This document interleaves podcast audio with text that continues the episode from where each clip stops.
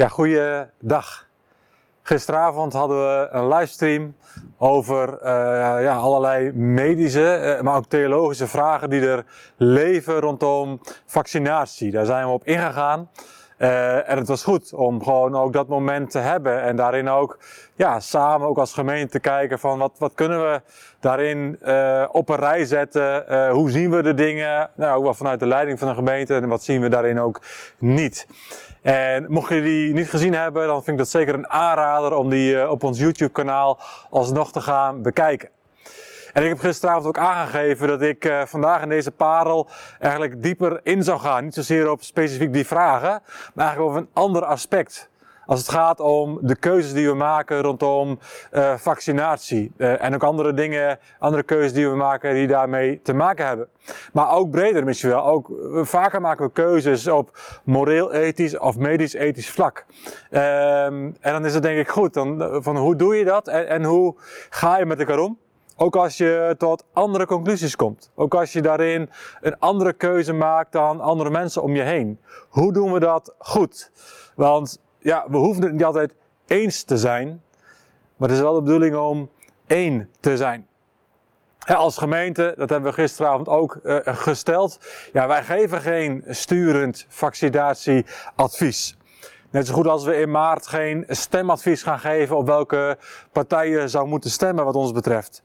Hey, dat zijn zaken die horen in onze visie bij ieders persoonlijke geweten en daarmee ook bij ieders persoonlijke vrijheid. Dus tot welke keuze jij ook al gekomen bent, of welke keuze je ook nog maar gaat maken. Ik hoop en ik verlang en ik, ik wil aan je vragen uh, dat je die keuze maakt samen met de Heer. En als je een keuze maakt samen met de Heer, dan is dat oké. Maar het is wel heel belangrijk om te stellen dat er geen enkele reden is om ook maar iets te vinden van iemand anders die een andere keuze maakt dan jij maakt. En dat is wel fundamenteel. Lukt het ons om elkaars keuzes te accepteren, ook als die soms dwars tegenover elkaar staan? En die neiging kunnen we wel hebben. Want stel je voor dat jij heel veel informatie hebt opgezocht, alles op een rij hebt gezet. En op basis van die informatie, je kunt niet anders dan tot die ene keuze komen. Ja, dan kan de neiging heel sterk worden om ook de ander te overtuigen om dezelfde keuze te maken. Of zelfs misschien wel anderen ja, te veroordelen als ze een andere keuze maken. Maar pas op. Niet doen. Dat is niet de weg die de Bijbel ons wijst. Natuurlijk mogen we met elkaar delen. Dat is ook heel gezond. Van hey, hoe kom jij tot jouw keuze? Hoe kom ik tot mijn keuze? We kunnen daarin van elkaar leren. Soms helpt jouw informatie mij voor het maken van mijn keuze. Dat is prima. Het delen van uh, dat soort zaken. Maar het houdt ergens op. Geven we de ander wel altijd ruimte voor het maken van een eigen keuze. En dat vind ik ook mooi. Als je dan ook even wat uitzoomt en, en, en, de Bijbel tot je neemt, dan, dan zijn er hele duidelijke teksten die gaan over verschillende keuzes maken. Kom ik zo ook op. Uh, Paulus schrijft daarover uh, in Corinthians, maar ook in Romeinen, Romeinen 14. maar ik vond een, een treffend verhaal, vind ik ook, het verschil in keuzes tussen Ezra en Nehemia in het Oude Testament. Beide reizen ze vanuit Perzië, waar het volk in ballingschap was, reizen ze naar Jeruzalem. En in Ezra lezen we dat Ezra ging zonder verdere escorte, zonder begeleiding, ging hij die reis maken van Perzië naar Jeruzalem. Dat was een gevaarlijke reis en in een gevaarlijke tijd. En dan lezen we in Ezra 7, hè, als hij veilig aankomt in Jeruzalem, want God bood hem onderweg bescherming. En dat is mooi. En een jaar of vijftien later vertrekt Nehemia uh, uit Perzië. Ook vanuit ballingschap terug naar Jeruzalem. Hij reist niet alleen. Nee, hij krijgt een hele escorte mee van officieren en ruiters. En toen Nehemia veilig in Jeruzalem aankwam, vertelde hij dat God hem bescherming geboden had.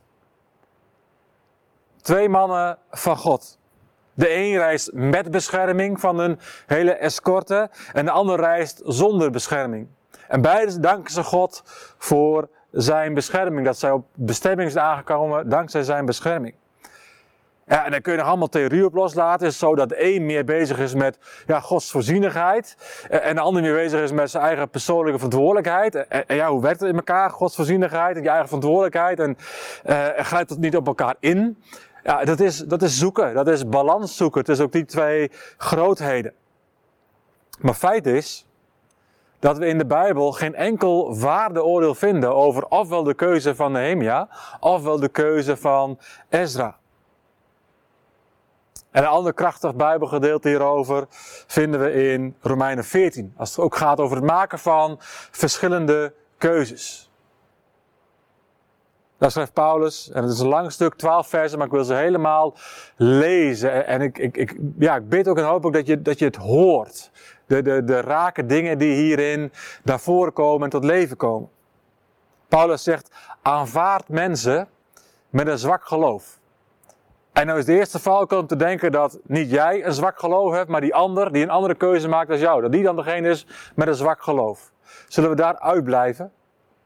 Aanvaard mensen met een zwak geloof zonder hun overtuiging te bestrijden. De een gelooft dat hij alles mag eten. Maar iemand die een zwak geloof heeft, eet alleen groenten. Wie alles eet, mag niet neerzien op iemand die dat niet doet. En wie niet alles, neer, niet alles eet, mag geen oordeel vellen over iemand die dat wel doet. Want God heeft hem aanvaard. Wie bent u dat u een oordeel velt over de dienaar van een ander? Of hij wel of niet volhardt in het geloof, gaat alleen zijn eigen meester aan. En hij zal volharden, want de Heer heeft de macht hem te dat te laten doen. De een beschouwt bepaalde dagen als een feestdag. Voor de ander zijn alle dagen gelijk. Laat ieder zijn eigen overtuiging volgen. Wie een feestdag viert, doet dat om de Heer te eren. Wie alles eet, doet dat om de Heer te eren. En hij dankt God voor zijn voedsel.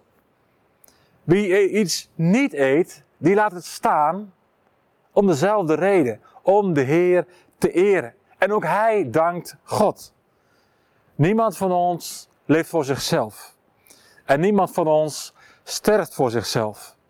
Zolang we leven, leven we voor de Heer. En wanneer we sterven, dan sterven we voor de Heer. Dus of we nu leven of sterven, wij zijn altijd van de Heer. Want Christus is gestorven en weer tot leven gekomen om te heersen over de levenden en de doden. Wie bent u? dat u een oordeel velt over uw broeder of zuster? Wie bent u dat u neerziet op uw broeder of zuster? Wij zullen allen voor Gods rechte stoel komen te staan. Want er staat geschreven: Zo waar ik leef, zegt de Heer, voor mij zal elke knie zich buigen en elke tong God loven. Ieder van ons zal zich dus tegenover God moeten verantwoorden. Zowel over de keuzes die we maken, als over de houding die we hebben naar anderen toe. Die ofwel dezelfde, ofwel een andere keuze maken dan wij zelf.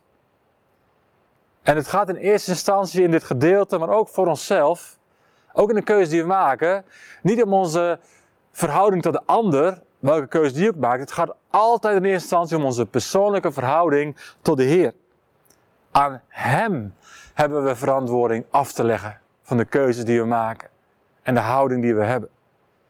Het is belangrijk dat dus ook deze vraagstukken, ook nu heel concreet als het gaat om vaccinatie, dat we die niet nemen zonder ook de keuzes die we geneigd zijn te maken in gebed te brengen. Doen we de dingen in afhankelijkheid van God? Oftewel, leggen we het aan voor? Vragen we God om daarin te spreken?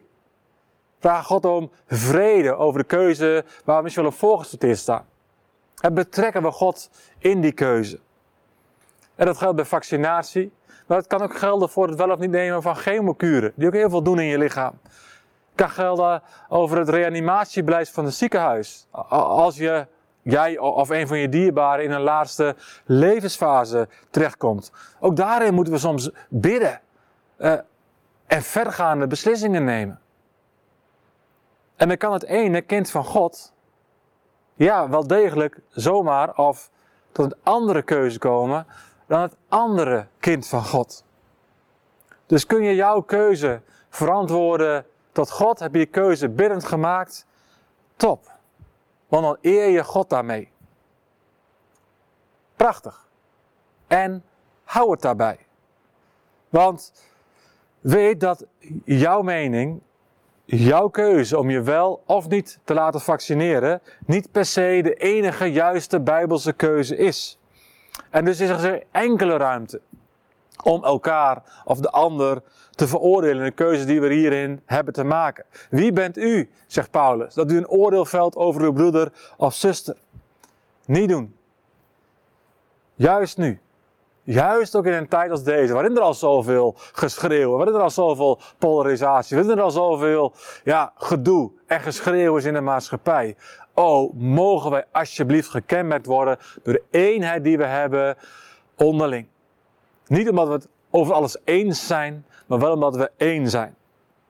En we zijn niet per se één omdat we dezelfde keuze met betrekking tot vaccinaties maken. We zijn niet per se één omdat we hetzelfde denken over alle maatregelen van de overheid. Nee, wij zijn één in Christus.